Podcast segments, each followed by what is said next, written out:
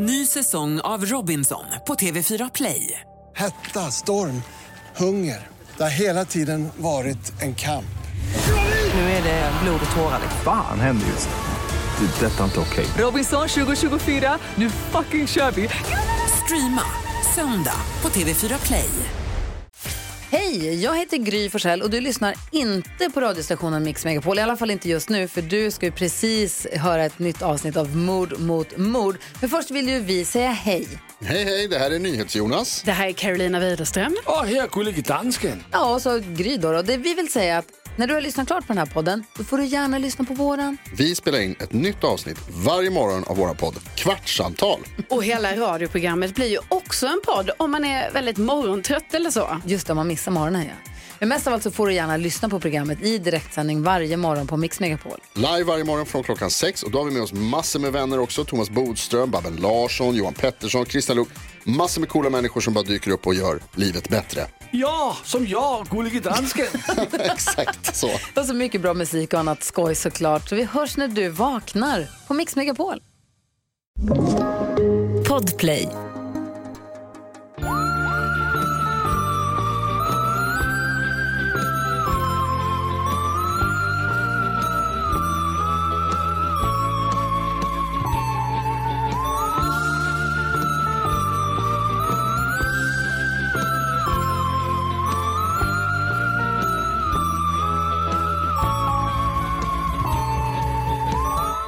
Då säger vi hallå och god dag slash kväll till dig som lyssnar på den här podden som heter Mord mot mord och den görs av dig Anna Sandell och av mig Karin Londré. Eh, En av de bästa intropresentatörerna som vi har i det här landet. Jag. Absolut. Jag tycker det var toppen. Tack snälla. Tack snälla. Eh, Det var tydligt och klart. ja, tydligt och eh, raka vägen fram kan man säga. Exakt så. Jättebra. Ehm, kul att du är här Anna. Kul att du är här Karin, hur mår du? Men jag mår bra tycker jag. Eh, lika förvirrad som vanligt. Vem är inte det? Är du är i in- gott sällskap. tack, tack snälla. Det känns, det känns bra. Men du mår också bra utöver eh, den allmänna förvirringen. Absolut. Ja. Absolut. Har du någonting Eh. du vill eh, berätta för lyssnarna? Ehm, det lät som att jag skulle ha det. Men har vi jag det? pratade ju precis om att vi, skulle, att vi hade en sak som vi skulle berätta för lyssnarna. Alltså för literally typ en och en halv minut sedan.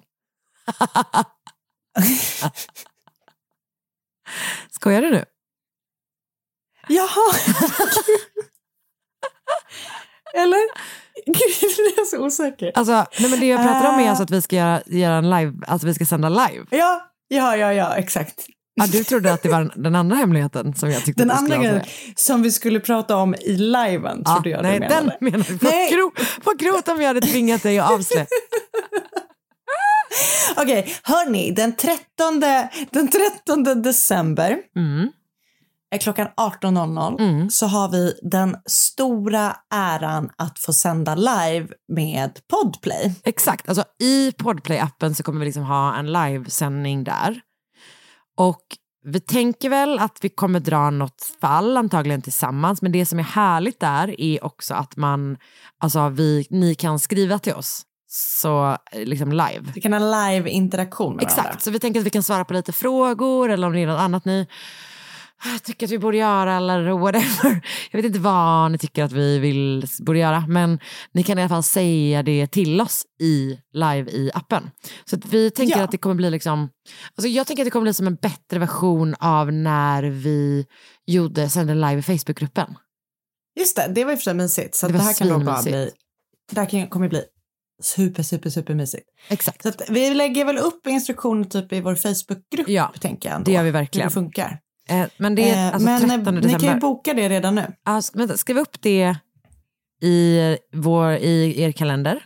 13 december Väggkalender. 18.00. Livesändning med Mord mot mord. Kommer bli urmusigt. Kommer det inte bli. Det kommer bli urmusigt. Nej, Kommer bli tydligt, klart och inte är det minsta förvirrat. exakt. Mm. Inte som det här gång. Inte, alltså, absolut, inte alls som det här. Då ses vi då. Det ses vi då. Men eh, Och vi innan hörs nu med. dess så har vi lite mer att göra. Ja. Ah. Eh, berätta, har du eh, något härligt tips som du brukar ha? Jag tror typ inte jag har det. Nej. Uh, ska vi se, ska vi se, ska vi se, ska vi se. Har jag kollat på någonting eh, som är värt att nämna? Eh, nej, alltså vi har typ redan glidit in i det här liksom eh, riktigt dåliga julfilmsträsket. Ah, kul. Eh, Har ni vi- sett den med Lindsay Lohan? vi har absolut Netflix? sett den med Lindsay Lohan på Netflix. Ah. Det, var, det var härlig. Eh, men det fick mig att tänka om att jag, på att jag förra året, antagligen vid jul antar jag, ehm, lyssnade på en poddserie som handlade om alltså just konkurrensen mellan de två som gör gör den typen av filmer, det vill säga traditionellt sett och innan Netflix gavs in, så var det Hallmark, alltså de som gör kort, Ja. och Lifestyle. Ja. Eh, och jag lyssnade på en podd som handlade om, det, om den konkurrensen och varför det liksom ser ut som det gör. Typ. Och varför det dussin, alltså massproduceras de här super, superlökiga julfilmerna om en tjej som åker hem till sin småstad över julen och typ upptäcker julens mening med sitt ex. Alltså alla är ju exakt likadana och jag älskar dem. Och jag tror att det var Business Wars. Och att den heter typ, nej vänta jag tror till och med att den hette typ så, Christmas Movie Wars.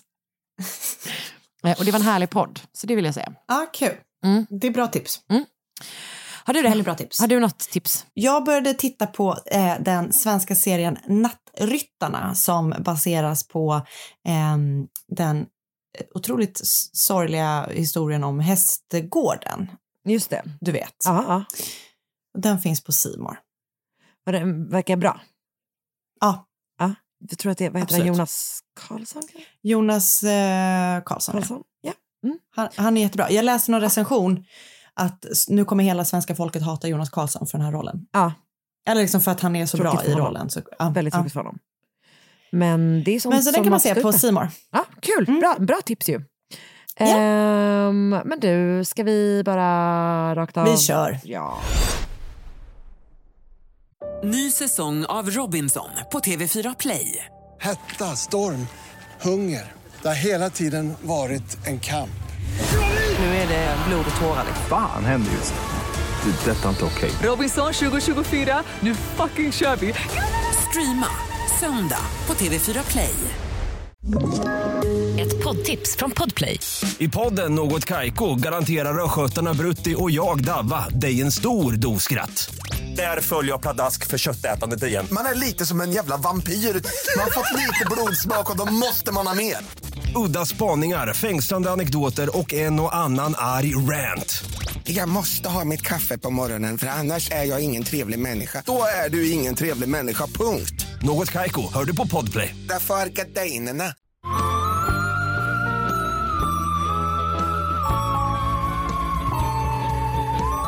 Okej, då är det jag som börjar den här veckan. Ja, Tyvärr har jag valt ett franskt fall. igen. Du kan inte hålla dig borta från det eh, franska språket. Nej, men alltså, och den här gången har jag liksom valt ett franskt fall där en fransk mening spelar alltså en central roll för hela fallet. Och jag kan Ah. absolut inte för mitt liv uttala den här meningen. Så Jag ser fram emot det här. We're, you're in for a treat helt enkelt. Men Ja. jag kan i alla fall uttala eh, några av namnen. Och till exempel kan jag uttala namnet Ghislaine Delanty. Mm. Mm. Hon föddes i Versailles 1926 inne i en fin familj. Hennes pappa var en framgångsrik industriman men under andra världskriget deltog han och jag tror också hennes mamma i den franska motståndsrörelsen och de tvingades liksom fly landet. Det verkar också som att hennes pappa dör när, alltså under landsflykten. Um, men Ghislaine är då liksom kvar i Frankrike när hon, hennes föräldrar eh, lämnar landet. Hon gifter sig ung och får en son och sen så skiljer hon sig. Och när hon gifter om sig så gör hon det med en mycket rik man som heter Jean-Pierre Marchal som gjort sin förmögenhet på bildelar. Och det var verkligen, det var liksom en rejäl förmögenhet. Alltså de hade bra med cash. Och hon tillhörde ju liksom redan Frankrikes elit. Men med Jean-Pierre så får hon liksom ett ännu mer välbeställt liv. Och när han då tyvärr går bort så ärver hon alltihop. Och Ghislaine Marchal är i början av 90-talet drygt 65 år gammal och en rik änka som delar sin tid mellan sitt hem i Schweiz och sitt sommarhus eh, på franska rivieran. Alltså i mitt huvud när jag började läsa om det här så var det verkligen ett slott. Kommer du ihåg att jag gjorde ett annat franskt fall som verkligen utspelar sig på Ja. slott. Eller du vet, en stor... Det är inte riktigt så. Jag skulle säga att det ändå är ett hus, verkligen. Men det är ett Ja. hus på franska rivieran i en sån jättefin liten pittoresk bergsby. Och du vet, det har så här en jättefin utsikt och typ en stor pool. Och det ser verkligen underbart ut. Huset heter Drömmar. La Chamade. Eh, och det verkar ju, alltså hon verkar faktiskt leva ett otroligt liv, måste jag säga. Eh, jag vet inte hur det är i Schweiz, men när hon är då på La Chamade, så eh, hon jobbar ju då inte, utan hon har typ så här jättemycket vänner, hon lever ett väldigt socialt liv, mycket så luncher och middagar. Hon dricker champagne vid poolen, eh, äter frukost och läser tidningen i sängen. Alltså, du vet, du fattar. Så drömmigt. Så jävla jävla drömmigt. Alltså hon levde exakt så, alltså min tolkning då är att hon levde exakt så som man vill att en liksom rik fransk änka på Rivieran ska leva. Ja. Och hon verkar också typ ha varit en väldigt fin och bra person och hon var väldigt, väldigt omtyckt av sina vänner och hon var också väldigt omtyckt av de som liksom jobbade för henne. För hon hade någon slags typ hushållerska eller liksom städare slash hemhjälp och hon hade också eh, trädgårdsmästare och typ som sådana som tog hand om huset. Som jag förstår är de där, inte där hela tiden liksom, men ändå återkommande då. Ehm, vid kvart i tolv på förmiddagen, söndagen den 23 juni 1991, så pratar Ghislaine i telefon med sin vän Erika. Så säger man det absolut inte på franska, men jag kommer säga det så. Hur skulle du säga det på franska? Jag gillar det. Erika. Ja, Kanske. Hon kommer heta Erika nu. Eh, de kommer överens om att Erika ska komma till La Chamade för lunch dagen därpå. Men sen säger Ghislaine att hon måste lägga på för hon har bråttom att göra sig i ordning eftersom hon ska till sin vän Colette och hennes man på födelsedagslunch klockan ett. Men Ghislaine kommer då aldrig hem till Colette. Så redan vid 13.30 ringer de, alltså Colette och hennes man då, till La Chamade för att höra var hon har tagit vägen. Men där är det ingen som svarar och det gör att de direkt liksom blir oroliga för att hon har förstås liksom otroliga manners. Alltså hon är inte en person som är sen. Och Nej. om hon är sen eller har blivit sen så skulle hon höra av sig liksom. Så att de blir oroliga. Samtidigt så är det så här att hon är ganska privat av sig och de har hört lite grann det ryktas om att hon kanske typ har en man. Som de, alltså, Det är lite oklart. Någon, vissa säger att han är italienare, andra säger att han är grek. Det är lite så här dolt, En liksom älskare. lite dunkel. Alltså exakt, hon har en älskare typ. Så de tänker att så här, det kanske är någonting som har hänt i hennes privatliv som har gjort att hon inte kommer. Ehm, och att hon har, för att hon har liksom behövt ändra sina planer med kort varsel eller någonting. Men de tycker att det är konstigt och när de fortfarande inte hört av henne vid sextiden på kvällen så åker Colette till La Chamade eh, och ringer liksom på dörren men där är det ingen som öppnar. Senare på kvällen försöker de ringa igen och fortfarande ingen som svarar. Dagen efter dyker då Erika upp som avtalat 11.30 för sin lunch med Ghislaine och eh, fortfarande ingen öppnar. Hon och Colette kontaktar en tredje vän. Det här är Ghislaines, alltså hon bor hon beskrivs som granne i vissa källor, i andra källor så bor hon typ 800 meter bort. Men hon bor liksom i närheten i samma by. Hon Ja. heter Francine. Så de här tre då, som i mitt huvud är verkligen så här, alltså den här trion, jag älskar dem så mycket. liksom så här rika fransyskor i 60-årsåldern med svinstora solglasögon. Så tänker jag att de är. Ja. Um, så de tre liksom träffas och är då liksom oroliga för sin vän och Francine kontaktar bolaget som liksom jobbar med säkerheten på La Alltså, de, hon har någon slags som firma typ. Um, och jag, som jag förstår det så har Francine samma då liksom. Så att de, någon representant från, från det säkerhetsföretaget kommer dit och tillsammans så går de då tidig eftermiddag den 24 juni in i huset. Där inne är det släckt och tyst. Dörren är öppen vad jag förstår det och nycklarna sitter i låset. Eh, larmet är inte påslaget. Den enda persenen i huset som är uppdragen är den i Ghislaines sovrum. Brickan med resterna av Ghislaines frukost står i köket och de som är där får liksom känslan av att hon bara har gått upp på morgonen och du vet så här försvunnit spårlöst typ. Senare under dagen så söker man igenom huset en gång till, alltså inte polisen utan återigen då liksom det här säkerhetsföretaget. Eh, och man kan Ja. då konstatera att det inte finns några tecken på inbrott sett till liksom dörrar och fönster och att det ligger en hel del smycken och andra värdesaker runt om i huset, vilket då skulle tyda på att det kanske inte är ett inbrott. Men Mm. samtidigt så finns det en sak som är märklig och det är att Glens handväska står lappen på sängen och den är tom. Så Okej. där verkar det ändå som att någon har liksom stulit liksom då. Men återigen, inga spår av Ghislaine Marshall. Efter det så ringer man polisen och på kvällen kommer de till huset och börjar sin sökning. Och de hittar inte heller någonting då i de här liksom rummen där de eh, har varit tidigare. Eh, men de blir snart intresserade för en dörr, eh, av en dörr som leder till ett källarutrymme. Alltså huset har typ som en utbyggnad och den utbyggnaden har någon slags källarutrymme typ. Så eh, dörren är låst, men man hämtar nyckeln som ligger på den plats som den, där den alltid låg, det vill säga en låda i Glenns sovrum. Och man låser upp eh, dörren, men får inte upp den. För den är då barrikaderad inifrån. Okej. Och går inte att få upp mer än typ två centimeter. Skumt. Det står en, liksom någon slags fällsäng i vägen. Och eh, den är svår att rubba, men inte nog med det. Det finns också ett typ metallrör fastkilat på något sätt som liksom håller emot. Och den är väldigt, extremt svår att rubba. Så det krävs liksom att flera män typ puttar, sparkar och slår innan man till slut typ, alltså lyckas mer eller mindre bända upp dörren. Typ. Och när man kommer in så ser man då blodfläckar på golvet. Det här källarutrymmet har flera rum och i rummet längst in, eh, det är där varmvattensberedaren finns, så hittar man då Ghislaine Marshalls kropp. Hon ligger på mage med ansiktet mot marken, benen har hon mot den bakre väggen och armarna liksom framför sig. Hon har på sig sin morgonrock som är upprullad mot midjan. Och hon har blivit utsatt för ett fruktansvärt våld där hon har varit liksom gärningsmannen har använt någon slags tillhygge ehm, och även kniv. Liksom så att det finns kn- knivvåld mot både överkroppen och halsen. Hon har också försvarsskador på händer och armar och så har hon skra- skrapsår och blåmärken på armar och ben.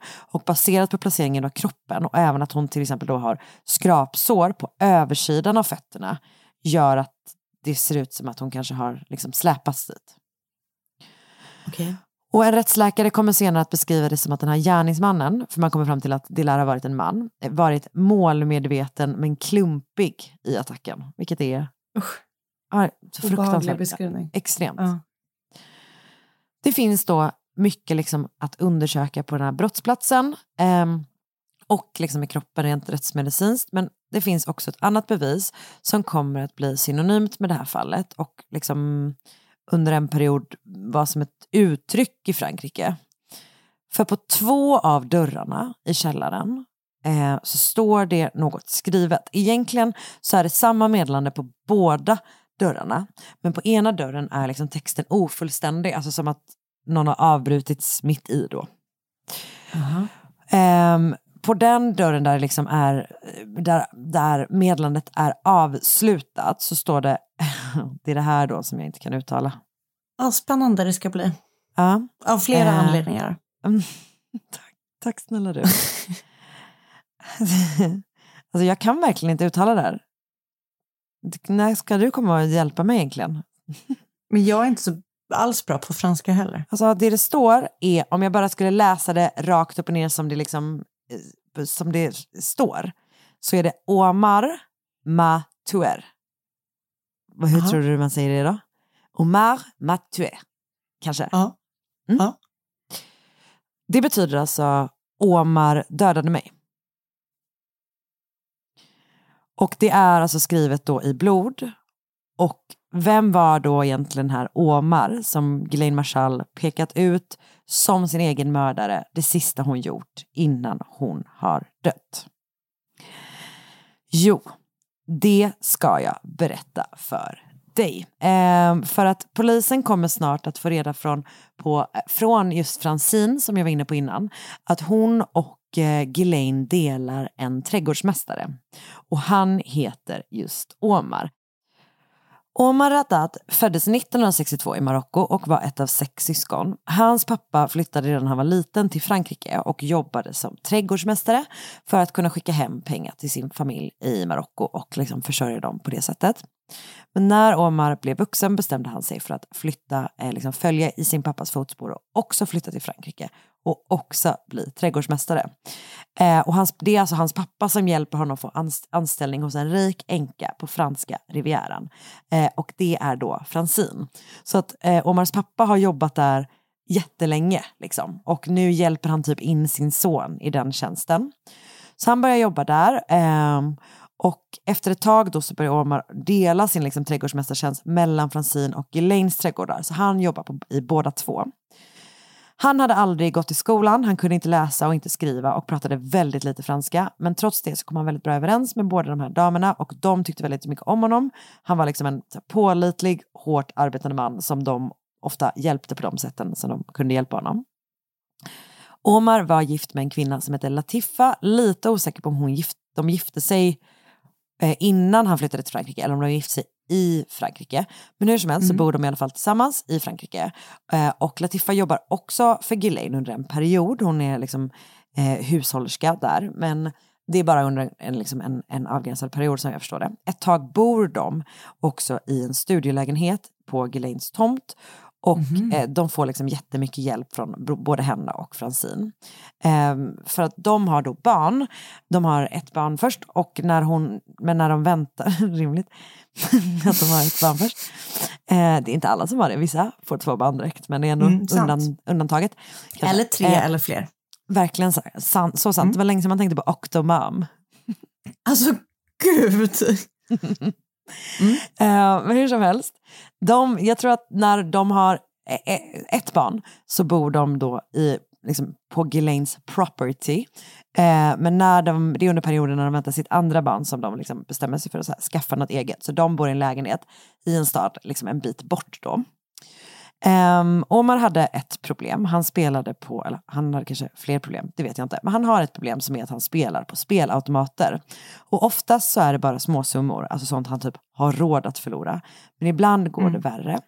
Och det är ju inte direkt bra med två små barn och tajt ekonomi. Han hade du vet vid några tillfällen fått förskott av sina chefer och det är lite oklart om det är att de vet om att det är på grund av hans spelskulder eller om det faktiskt är på grund av hans spelskulder. Men han har i alla fall fått liksom förskott av dem för att få det att gå ihop. Eh, och det här är då någonting som liksom ändå hänger över den här familjen eh, den här liksom sommaren 1991. Så att nu eh, är vi då liksom där i juni och Ghislaine har eh, blivit mördad och då i sitt eget blod liksom pekat ut Omar som hennes mördare. Eh, och det gör ju att det här fallet känns väldigt liksom open and shut. Alltså mordoffret har identifierat sin mördare. Eh, Omar Men hur grips. hade det blivit blockerat sådär? Ja, alltså vi kan återkomma till det. Ehm, för det där är superkonstigt. Men du måste ha lite mer liksom, bakgrundsgrejer Okej, kring det. jag ger innan- mig till tåls. Ja, eh, bara en liten stund. Eh, nej, så Omar grips och polisen börjar förhöra honom. Eh, de förhör honom då på franska, ett språk han in, knappt kan. Alltså han kan typ grundläggande, det är verkligen Typ som grundläggande. Alltså verkligen, han är typ lite bättre än jag. Nej, men han kan typ väldigt grundläggande saker och sen så kan han typ så, han kan jättemycket trädgårdsmästarterminologi men det hjälper honom inte i det här förhöret liksom. Nej. Men han förstår efter ett tag att de tror att han har mördat Glenn Marshall och börjar då idogt liksom neka till brottet. Han eh, säger att Ghislaine var som en, alltså en andra mor till honom, att han aldrig skulle skada henne. Men som sagt, han förstår väldigt lite och upplever också att polisen typ inte lyssnar på honom.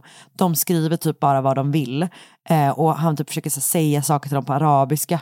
Eh, men de... Gud, Typ, att han inte får en tolk. Nej, nej, exakt. Och de här förhören pågår jättelänge och Omar fattar inte då liksom att han varken kan be om tolk eller om advokat. Typ. Så rättsläget är ju inte supersäkert helt enkelt. Och polisen, vad jag förstått så finns det också anteckningar från polisen där de säger att han inte har några, verkar ha några problem alls att förstå franskan. Men det har han verkligen. Alltså han kan inte flytande franska på något sätt. Liksom. Så de börjar då förhöra sig om vad som har hänt under den här dagen och han säger då att han har jobbat hos Ghislaine den här söndagen trots att han vanligtvis var ledig på söndagar.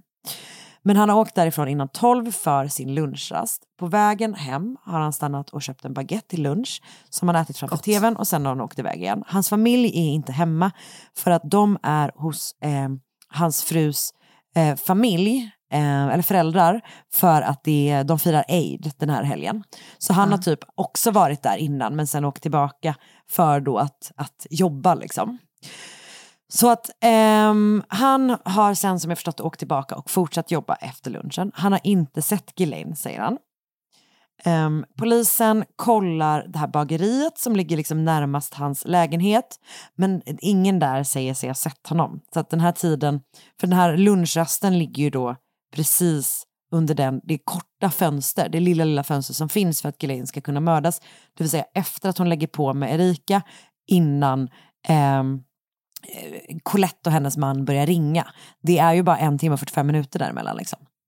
Och det är ju precis under den tiden han säger att han haft sin lunchrast. Liksom.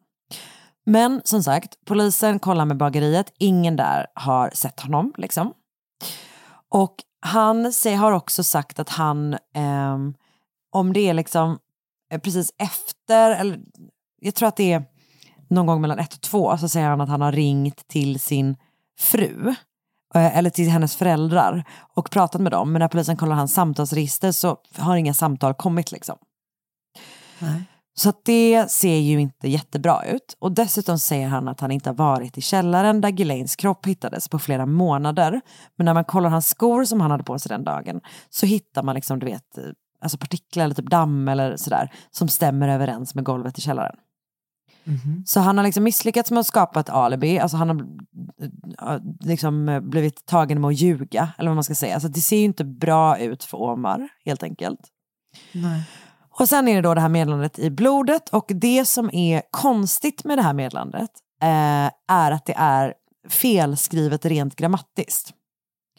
Det är någonting med något jävla particip som jag du vet inte förstår. Eh, alltså det var så, jag, när jag började läsa på om det här så fick man sån, du vet, flashbacks från när svensk, även svenskans grammatik, eller typ när man började läsa ett annat språk, och man bara, hur, när grammatik plötsligt kändes som matte typ. Det vill säga, jag Ja, fattar usch, ingenting. svårt. Förstår du vad jag Nej. menar? Absolut. Eh, och då läste jag inte franska, delvis på grund av att jag insåg att jag kommer aldrig förstå den här grammatiken. Typ. Ehm, men det är i alla fall, alltså dels är det något, liksom, något då particip, eh, och sen så verkar det också som att det är ett genusmisstag. Alltså som att eh, det är eh, skrivet som att Ghislaine eh, är man när hon är kvinna. Förstår du vad jag menar? Och det finns de som menar att Ghislaine inte borde ha gjort de här felen eh, med tanke på hennes sociala status och framförallt med tanke på att franska är hennes modersmål så tycker de då att de- det här liksom låter konstigt. Eh, det hon skrivit, skriver är alltså Omar Tuer med ER på slutet men det hon borde skriva var O- Omar Tue med bara E och eh, alltså accent. Okej. Så det är liksom en ändelse som är fel. Typ. Å andra sidan så förekommer den här typen av grammatiska misstag då och då i saker man vet att hon har skrivit, alltså när man kollar på liksom anteckningar och sådär.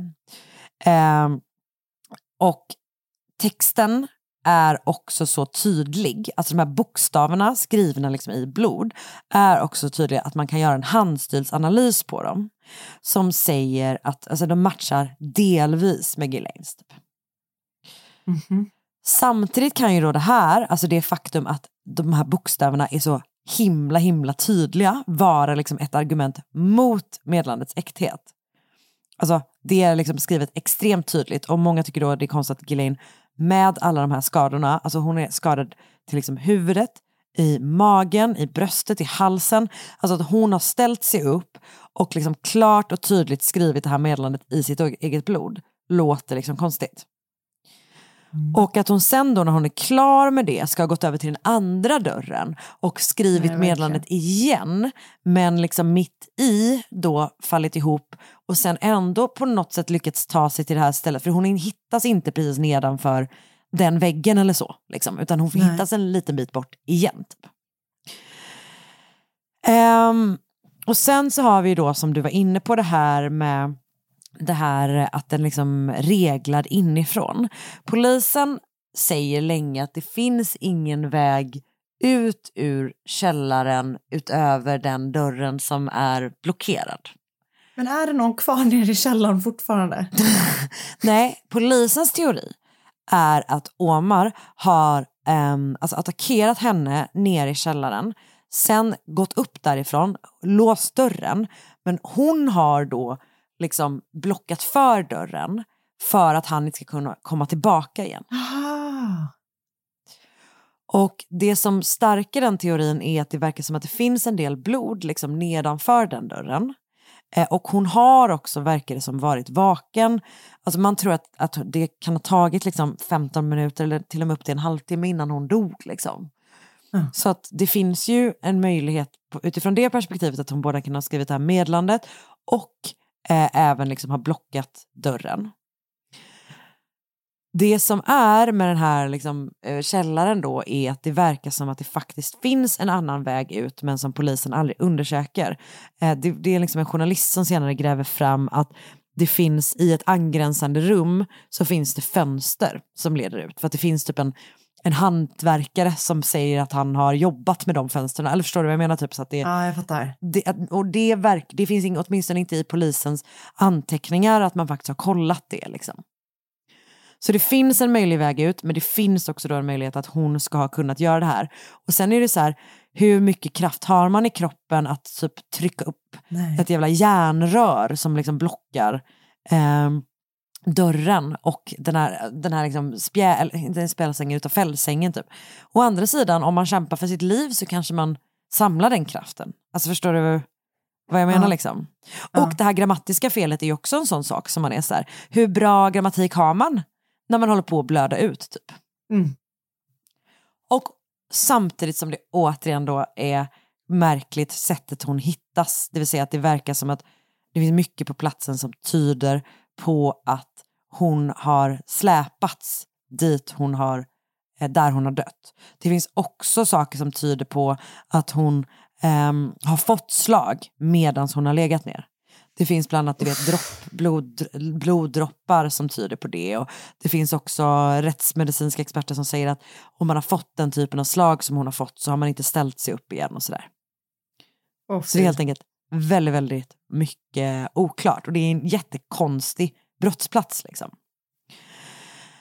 Så att som sagt, det finns massa, massa konstigheter här. Omar är, sitter där han sitter. Han har uppenbarligen liksom begått misstag eller ljugit om sitt alibi. Eh, och att det- också det här att han har då varit inne i källan och sådär. Det är mycket liksom motstridiga uppgifter. Men det blir ytterligare motstridiga uppgifter när det visar sig, när försvaret då inser att polisen har frågat fel bageri om Omar har varit där. Ah. Och eh, när den, alltså den här rättegången börjar, typ, om det är två år efter, eller tre år till och med efter brottet har begåtts. Och när de väl typ fråg, pratar med rätt bageri så är de så här, ja han brukade vara här ofta, men de har ju ingen aning om han var där den dagen. Nej, såklart.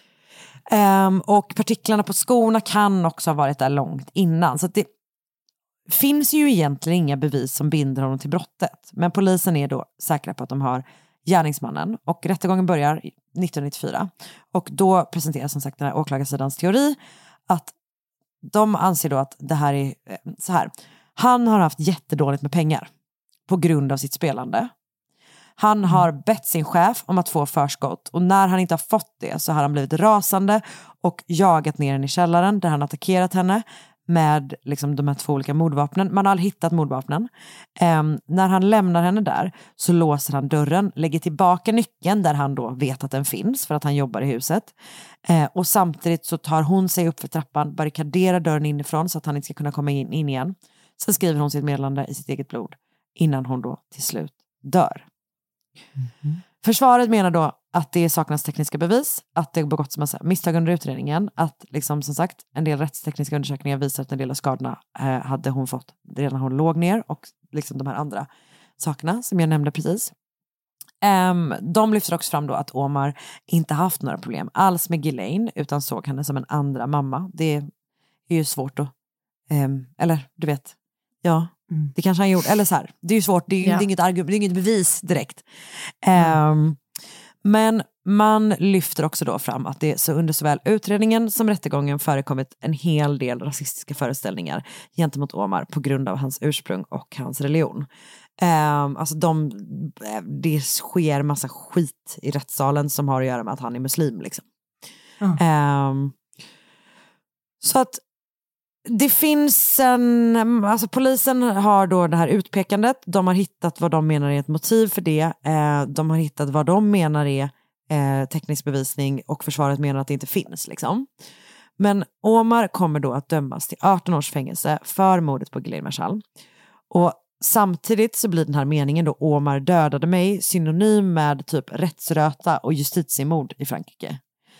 Eh, för bland folket så är liksom tron på Omars oskuld väldigt, väldigt stor. Omar protesterar då mot domen från fängelset, bland annat genom typ flera hungerstrejker. Eh, och till slut så får hans och andras många protester något slags resultat. Och det här är märkligt liksom. För 1996 så blir han delvis benådad av Jacques Chirac. Och släpps redan efter bara fyra år, alltså 1998. Men han är alltså inte friad, utan han är dömd för ett mord, men han är typ benådad, men inte riktigt. Och det här känns som en sån, alltså det känns som en situation som är vidrig för typ alla inblandade. För att han, som jag förstår det så finns det fortfarande, gör det här liksom fortfarande att han är begränsad på vissa sätt. Han, kan, han lever som en fri man, men det finns liksom begränsningar i typ vilka jobb han får ha och den typen av saker. Eh, det blir jätteuppmärksammat det här, folk kommer fortsätta tro att han, för att han är ju dömd för att ha mördat Glenn liksom. Eh, och samtidigt som att hennes familj och hennes vänner, alltså fallet anses ju vara avslutat. Så att det finns ju heller inget, liksom, man kan ju inte börja utreda det igen om du förstår. Liksom. Så att fallet anses avslutat trots att han och folk, liksom, även folk runt omkring honom äh, tycker att det ska öppnas igen. Han får avslag på typ massa ansökningar om det innan det 2015 kommer nyheter om att det hittats manligt DNA på brottsplatsen som inte tillhör Omar. Och det, jag tror att det är om det är fyra eller fem olika mm, liksom, manliga DNA-spår man hittar. F- men det finns också då 31 DNA-spår från en och samma man som inte är Omar blandat med Ghislaines i det här medlandet. Men gud. Med detta så kommer då en framgång. För 2021 så meddelar man att Omars ansökan om en ny rättegång ska utredas. Mm. Men den 13 oktober i år avslogs ansökan. Va?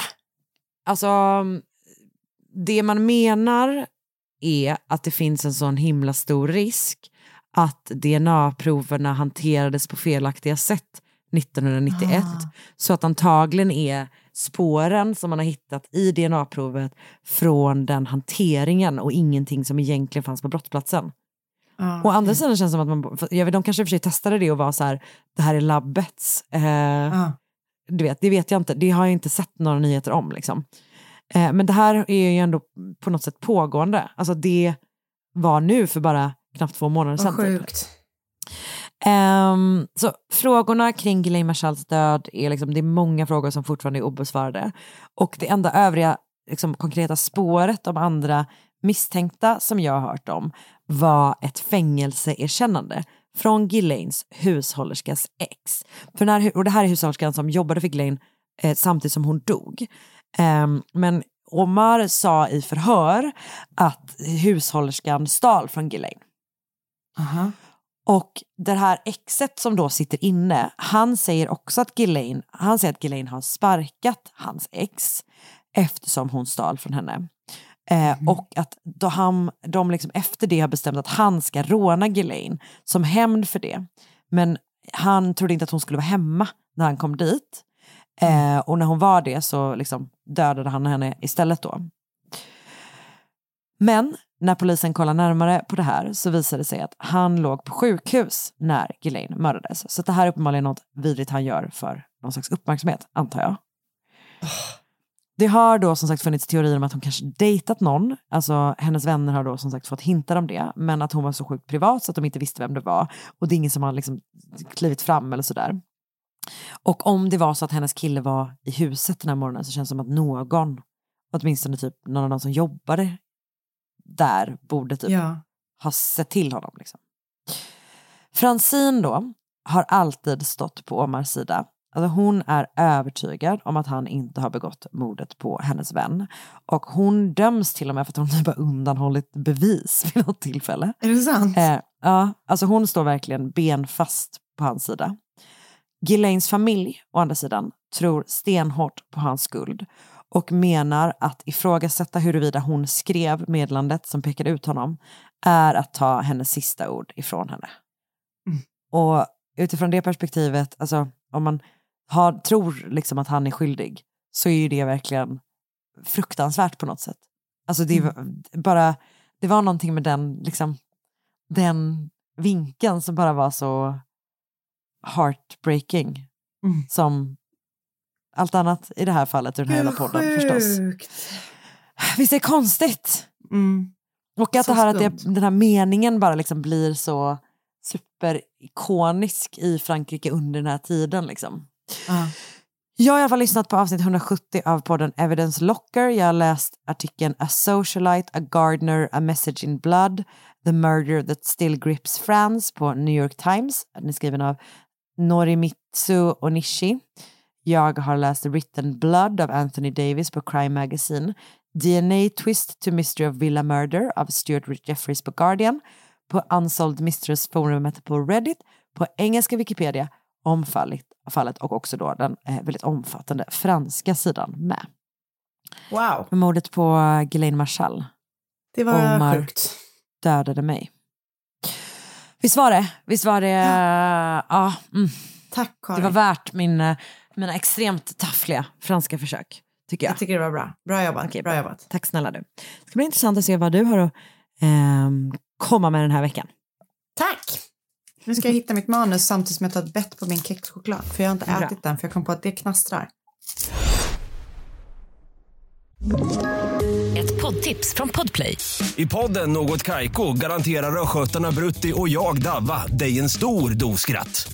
Där följer jag pladask för köttätandet igen. Man är lite som en jävla vampyr. Man har fått lite blodsmak och då måste man ha mer. Udda spaningar, fängslande anekdoter och en och annan arg rant.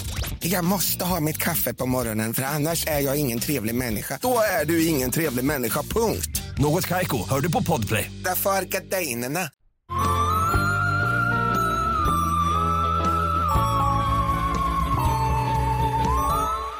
På 1700-talet så tyckte en man vid namn Jacob Aman och ett gäng i hans närhet att deras kyrka började hamna på glid och bli för världsliga. Jag hatar när det händer. Och det gillade de inte alls. Ja, de hatade också när det hände. eh, så Jacob bestämde sig för att starta en egen grupp. En egen grupp som kom att bli amish. Mm. Och de blev i, förföljda i Europa. Eh, så på 1700 och 1800-talet utvandrade de till USA där de så småningom landade då i Pennsylvania. Och idag är Pennsylvania hemvist för amish och där finns det tydligen 40 olika amish-samhällen. Och de här är då olika strikta med hur man ska liksom le- leva sina liv, liksom hur det ska Mm. efterlevas. Och som du vet, eh, som säkert alla vet, så lever de ju så väldigt isolerat från omvärlden. De pratar Pennsylvania-tyska och de lever på ett sätt som liksom, det kan väl bara kallas för väldigt, väldigt gammaldags. Alltså Ehm, vet du vad de jag mest förknippar dem med? Mm. Att du vet så kärna smör med en sån lång pinne. Ja, men och jag tänker typ liksom det här, deras häst och vagn och deras, ehm, så kommer du ihåg den här serien som gick på MTV? Amish in the city. Exakt. det. Det var ju helt sjukt det. program. eh, för de som inte har sett det så var det då när ungdomar från eh, ett amish-samhälle åkte till en storstad i USA liksom. Och typ, Men är det de som har rum springa? jag, alltså, jag tänkte på det för att men de är typ ganska unga när de har ramspringa som jag förstår. Eller det börjar i alla fall i tonåren. Ja. Ja men, Men det exakt. måste det ju är typ alltså, vara det. För Men de rum festar springa ju är att så de mycket åker... Amish in the city. Nej, Ja, men, nej Rums- ramspringa är typ att de börjar träffa typ ehm, Alltså de börjar typ träffas, träffa andra ungdomar. Alltså det är inte nödvändigtvis att de åker därifrån. Det betyder ju springa runt, men det, jag tror inte att det är nödvändigtvis att man lämnar sitt, eh, nej sitt okej, man samhälle. behöver inte göra Amish in the city liksom. Nej, jag tror inte det. Jag tror det var liksom en väldigt... De tog Rumspringa till sitt, sin yttersta, yttersta, Ja. yttersta spets. För jag förstår det mer typ Att man typ är så Som att de de vinkar s- till sin möts. granne som har jeans på Ja sig. men typ. Och att, nej, jag tror inte ens att det handlar om att de ska liksom vara utanför det samhället, utan det är typ att de så här, det näst, känns nästan som att det är typ att de ska träffa en framtida eh, partner och allting görs typ i, eh, inte bevakat, men typ bevakat av en vuxen och sådär. Okej. Så har jag förstått det i alla fall. Ja, okej, intressant. Ja. Ja, Men så de lever ju liksom som man gjorde på 1800-talet. De driver jordbruk, sitt jordbruk som de liksom gjorde då. De kör häst och vagn. Du vet, allting är som förr helt enkelt. Mm. Och de är ju då väldigt inne på det här med att de ska vara självförsörjande. De använder liksom inte el. Kul att de har liksom Ehm. blivit moderna på något sätt. Inte med elen då, men det här med att vara självförsörjande. Ja, de är ja, bara absolut. så Mandelmans med sämre frisyrer. Eh, men typ. Men så de, de är ju så väldigt sparsmakade, man får typ inte försäkra någonting. Och om det händer någonting så liksom i samhället så är det inte så att man typ kopplar in polisen utan man liksom löser saker internt så att säga. Eh, och de går ju då, de har så här gudstjänst varannan vecka, men då kan den pågå i typ så här tre, fyra timmar och liksom deras house of worship, eller vad man ska kalla det för, är ehm, hemma hos folk istället för, de har liksom ingen klassisk Aha. kyrka, utan det Gud, sker i hemmet. Ja, jag tyckte också det var ganska intressant. Och de som så, som, så ambulerar liksom runt i familjerna, så att om du ska få ha, då får du reda på det i väldigt god tid så att du och dina hinner städa och laga mat. Det, så känner jag ju även nu när någon kommer hit, att jag måste ha reda på det väldigt god 100 tid så procent jag också. städar. 100 procent jag också. Eh, och traditionellt då så fick de ju väldigt mycket barn. Och det är ju dels för att de inte typ får använda preventivmedel, men också för att de behövde vara jättemånga, just eftersom de typ eh, de, tog, arbetskraft. gjorde all mat. Exakt. Gjorde all mat. Det gör ju vi hemma också, men du fattar vad jag menar. Ehm, inte från scratch. Ehm, och idag ska vi då till ett av de här amish-samhällena, till Rockdale Township som ligger i Crawford County i nordvästra Pennsylvania. Ah, gud vad intressant. Och dit flyttade 1983 en familj vid namn Gingrich med deras 11 barn. Och de har bott någon annanstans innan och jag vet inte exakt vad som är liksom rationalen bakom flytten, men de har bott i något annat amish samhälle och innan och så flyttar de då till eh, Rockdale Township och de är då de första som liksom slår sig till ro i den här staden och sen så är det jättemånga som kommer efter dem. Typ. Så det var liksom ingen stad när de kom helt enkelt? eller? Nej, eller det var, det var kanske andra som bodde där, men de första liksom den första Amish. amish, som kom dit. Ah, och de kanske, du vet, så att det, det, det var de som påbörjade den, eh, det, liksom det amish-samhället så att säga. Just det. Ja. Och eh, när de flyttade dit så var sonen Edward eh, Gingrich 19 år gammal. Och Edward hade redan som liten liksom inte varit helt smidig i efterlevandet eh, av det då levnadssätt som han och hans familj, och, eller som hans familj och det samhället han levde i, som ville att han skulle. Han var nyfiken på the English som alla som lever utanför amish kallas. Ehm, och när han då liksom var 19 och upp i tonåren där så började han typ så här jobba i en verkstad. För tydligen så fick man arbeta med vissa power tools. Eh, och så han jobbade i en verkstad där det också verkar ha liksom jobbat folk som inte, Inte var, amish. och sådär. Och eh, det här, liksom, flera saker då, bland annat att han gillade att, att arbeta med typ en borr istället för en eh, klassisk handskruvad Okej, dåligt exempel. Jag vet inte. Någonting. Ja. Eh, det har liksom... Hans intresse för the English och deras sätt att leva tolkades liksom som en varningsflagg såklart av familj och andra runt omkring honom. Och eh, så när han träffar då en ung kvinna vid namn Katie som bor då där också så eh, blir folk liksom lite oroliga. För att eh, Katie är då biskopens syster eller brorsdotter och hon bor då med sin mamma och sin pappa och sina 15 syskon eh, där och eh, hon beskrivs liksom av folk i samhället som en snäll, hårt arbetande, troende och from kvinna. Alla egenskaper då som värderades. Som du har. Tack. Ehm, Okej, så, Så de är liksom- så här, okej ska han verkligen vara ihop med den här för hon är, hon är toppen och han är a bit of a troublemaker typ. Exakt så.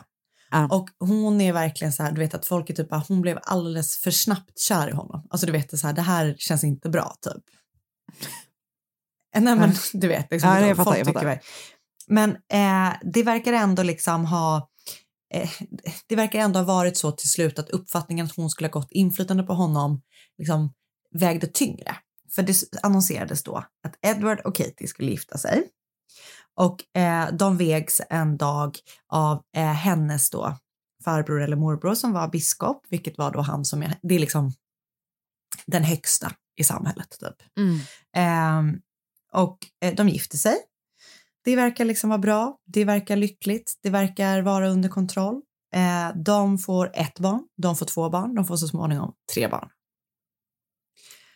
Och eh, det som börjar som ett, liksom, i alla fall utifrån sett, helt vanligt och lyckligt äktenskap börjar liksom gå lite snett, eller vad man ska säga.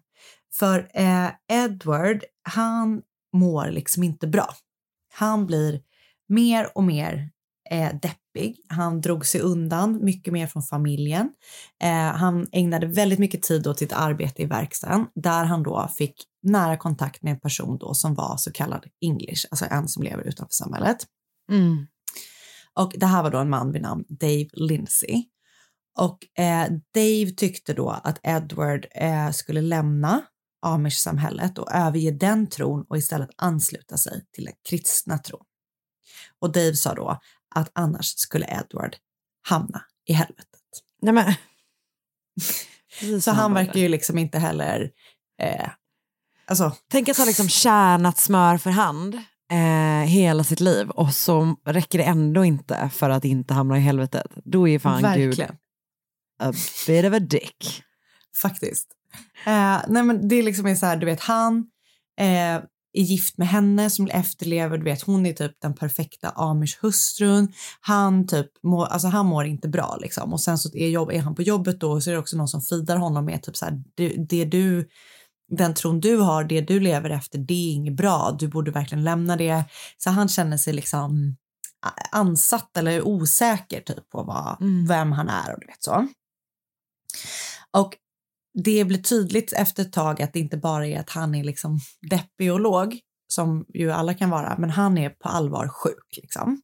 Han börjar hallucinera och beter sig liksom allmänt obehagligt och märkligt. Så att liksom, folk i hans närhet blir mer och mer oroliga för att det verkligen är någonting som inte liksom, är bra. Och eh, vid något tillfälle så ringer de också då till läkaren, vilket är ju typ unheard of. Alltså du vet, Ah. de sköter ju allting internt. Så att han får åka in på sjukhus eh, för att han har, du vet, han gör så saker, han har typ hoppat ut genom ett fönster någon gång. Alltså du vet, han Oj. gör så här eh, och ser saker och han, han är verkligen, han är verkligen sjuk liksom. Eh, så han får åka in på sjukhus och väl där på sjukhuset då så blir han diagnostiserad med paranoid schizofreni och så får han då såklart medicin. Vilket också är då så här, det gjorde man typ inte. Alltså vet modern medicin, de var mycket mer så här holistisk approach typ. Men han får eh, psykofarmaka och den hjälper ju såklart för det gör ju medicin. Ehm, och, men han tycker då att medicinen, även om den typ tar bort hans hallucin- hallucinationer och sådana saker, så får han, han blir liksom mer och mer avtrubbad. Han tycker inte om den, det, som- den han blir med medicinen heller om du förstår vad jag menar. Han Mm. tycker då, det beskrivs som att han blir så zombie-liknande. Så han bestämmer sig att så här, äh, sluta med medicinen bara. Vilket ju är liksom inte så bra. Ehm, och samtidigt då som han slutar med medicinen så fortsätter han ju så här och umgås då med Dave och andra i Daves närhet också via verkstaden som fortsätter då för att liksom så här lobba för att han då inte ska vara kvar i liksom inom amish-samhället och att han istället då ska ansluta sig till deras tro, vilket jag antar bara är liksom kristendomen fast på en annan take eller vad man ska säga. Och att han då eh, ja, så här, de, de är på honom och det här ska då, sägs det, ha lett till att eh, Edward då började tro typ att han så här hölls fången av hans fru. Att du vet, det var hon som höll honom Oj. kvar eh, i det här amish-samhället fast han egentligen skulle må bättre någon annanstans. Eh, jag läste att han typ har sagt att han liksom typ tänkt att hans fru är djävulen. Typ. Oh. Så jäkla hemskt. Eh, och så en dag i mars då 1993 så säger Katie typ till honom, de är hemma, så säger hon så här, eh, det är ju eh, de här personernas bröllop idag, men du mår inte bra, så jag kommer åka själv med barnen och du Ah. får vara hemma och jag har bett dina bröder att titta till dig liksom. Från, liksom de får turas om och titta till dig så att du mår bra. Och det liksom reagerar han väldigt dåligt på. Ah. För hon står i köket och fixar med lite olika saker så här och då går, när hon säger det här och då kliver han fram till henne och slår henne rakt i ansiktet. Enligt vissa källor så har då Katie tidigare visat spår av att ha blivit slagen hemma, så du vet hon har haft blåmärken och sånt på kropp och ansiktet. Men eftersom alla liksom minds their own business så var det då ingen som hade vet, följt upp på det här utan mer bara så här, det här sköts inom husets fyra väggar. Men den här gången blir hon i alla fall väldigt rädd. Det har hon säkert blivit många gånger förut om det var så att han slog henne. Men hon skriker då efter deras äldsta son som är sex år gammal och ber honom att springa hem till sonens farbror, alltså Edwards bro- bror, för att be om hjälp. Ah. Så den här stackars pojken då springer en dryg kilometer typ över ett fält och det är så snö ute. Eh, och han springer barfota för att hämta sin farbror. Och eh, farbrorn då liksom hoppar upp på en häst och du vet rider tillbaka eh, till eh, Katie och Edwards hus. Men han kommer tyvärr för sent för när han kommer dit så lever Katie inte längre och det är tydligt att det har skett något liksom otroligt våldsamt där. Så eh, Edwards bror blir liksom rädd för sin egen skull också. Hans bror verkar, alltså Edward verkar väldigt så här han känner liksom inte igen honom, typ. han blir rädd att någonting ska, att han ska vet, agera, göra någonting mot honom. Så han bestämmer sig, alltså brodern då, för att springa till en familj, då en sån här en English familj, Ja. eh, för att låna deras telefon och ringa efter polisen. Ehm, och Katie har då blivit allvarligt misshandlad till döds och efter att Edward då har slagit henne tills hon inte längre lever så har han också tagit ut hennes organ ur kroppen. När polisen kommer då till platsen så är han inte inne i huset utan han liksom typ inte hit, men då polisen liksom stöter på honom när han typ går längs en väg med sina två yngsta barn som är tre och fyra år gamla. Ah. Eh, och han liksom, han erkänner att han har gjort det. Han säger typ att han, han, han har gjort det för att han typ tror att hon är djävulen. Han är liksom, har verkligen fått, han har vanföreställningar kring vad som händer. Eh, och i förhöret sen då, liksom efter när han är på polisstationen så är det sen så han bara, men liksom, vi måste kunna rädda henne, det kan inte vara för sent. Det är som att han inte alls liksom förstår vad som har hänt. Ehm, men ehm, Ja, nej, det är bara så jäkla mörkt. Eh, så Ah. han då erkänner allting och uttrycker liksom djup ånger för det. Eh, han ställs såklart inför rätta för det här och döms som skyldig till dråp med psykiska problem. Och för det då så döms han till minst två och ett halvt år eh, och max fem år i fängelse. Okej. Mm. Så, för, ja, det är ju väldigt kort tid liksom. Men eh, Ja. han sitter fem år i fängelse.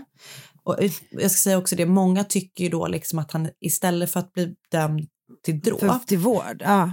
eh, att, precis, att han borde ha blivit dömd till vård för att han var ju liksom uppenbart eh, Alltså om man säger så här, sjuk.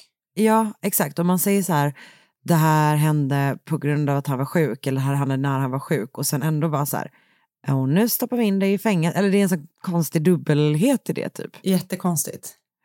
Alltså verkligen jättekonstigt. Eller man bara, nu får du ett Eh. jättekort straff på grund av det, men du får ingen, ja. Ingen hjälp efter liksom. typ.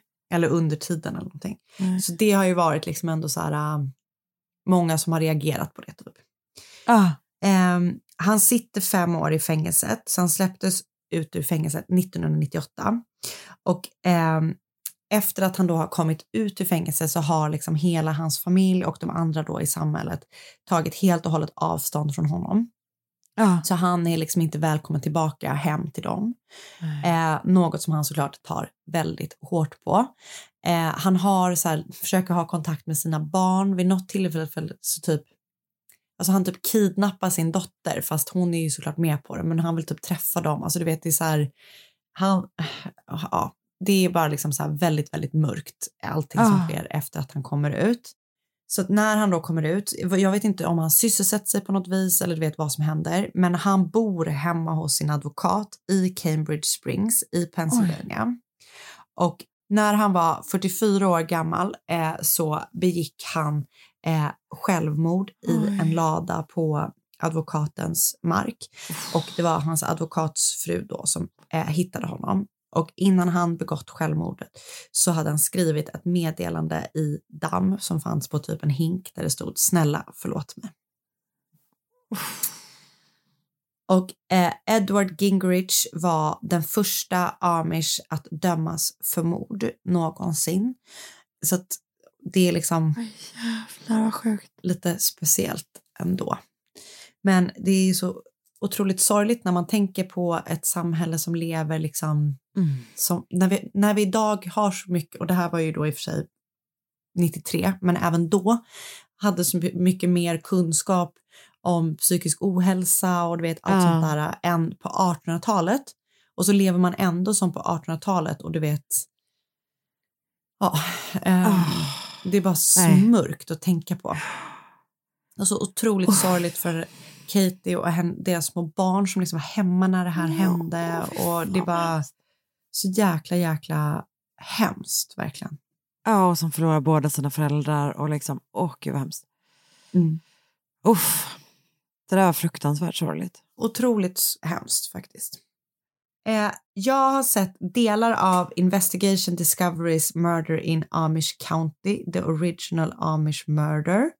Och sen har jag läst eh, Katie Gingrich Murder, Where is Ed Gingrich Now av Shraman Mitra på cinemaholic.com. Lite olika Wikipedia-sidor såklart. Och sen så Convicted Amish Killer Commits Suicide, Police Say av Marissa Rosenbaum på Reuters. Och sen har jag lyssnat på The Devil We Know avsnitt 10 och det avsnittet heter Edward Gingrich. Oh. Du, tack så mycket. Tack snälla du. Och tack alla ni. Tack alla ni som har lyssnat. Ehm, vi hörs nästa vecka. Och sen så hörs vi också i den här liven den 13 Det vi. Det december. ska bli trevligt. 18. I Podplay-appen. Den är gratis att dra ner och sådär. Mm. Ehm, jag tror kanske man måste bli medlem, men det kostar ingenting. Nej, det är super. Mm, och då kommer, kan man ju också om man vill lyssna på våran podd en dag tidigare. För den kommer på Exakt. onsdagar i Podplay-appen. Det glömmer man lite. perfekt. Ja, Mm. det är nice. Eh, men först och främst så hörs vi nästa vecka igen. Det gör vi. Tack för idag. Hej då! Hej då! Podplay. Ett poddtips från Podplay. I fallen jag aldrig glömmer djupdyker Hasse Aro i arbetet bakom några av Sveriges mest uppseendeväckande brottsutredningar. Går vi in med hemlig telefonavlyssning och, och då upplever vi att vi får en total förändring av hans beteende. Vad är det som händer nu? Vem är det som läcker? Och så säger han att jag är kriminell, jag har varit kriminell i hela mitt liv men att mörda ett barn, där går min gräns. Nya säsongen av Fallen jag aldrig glömmer på Podplay.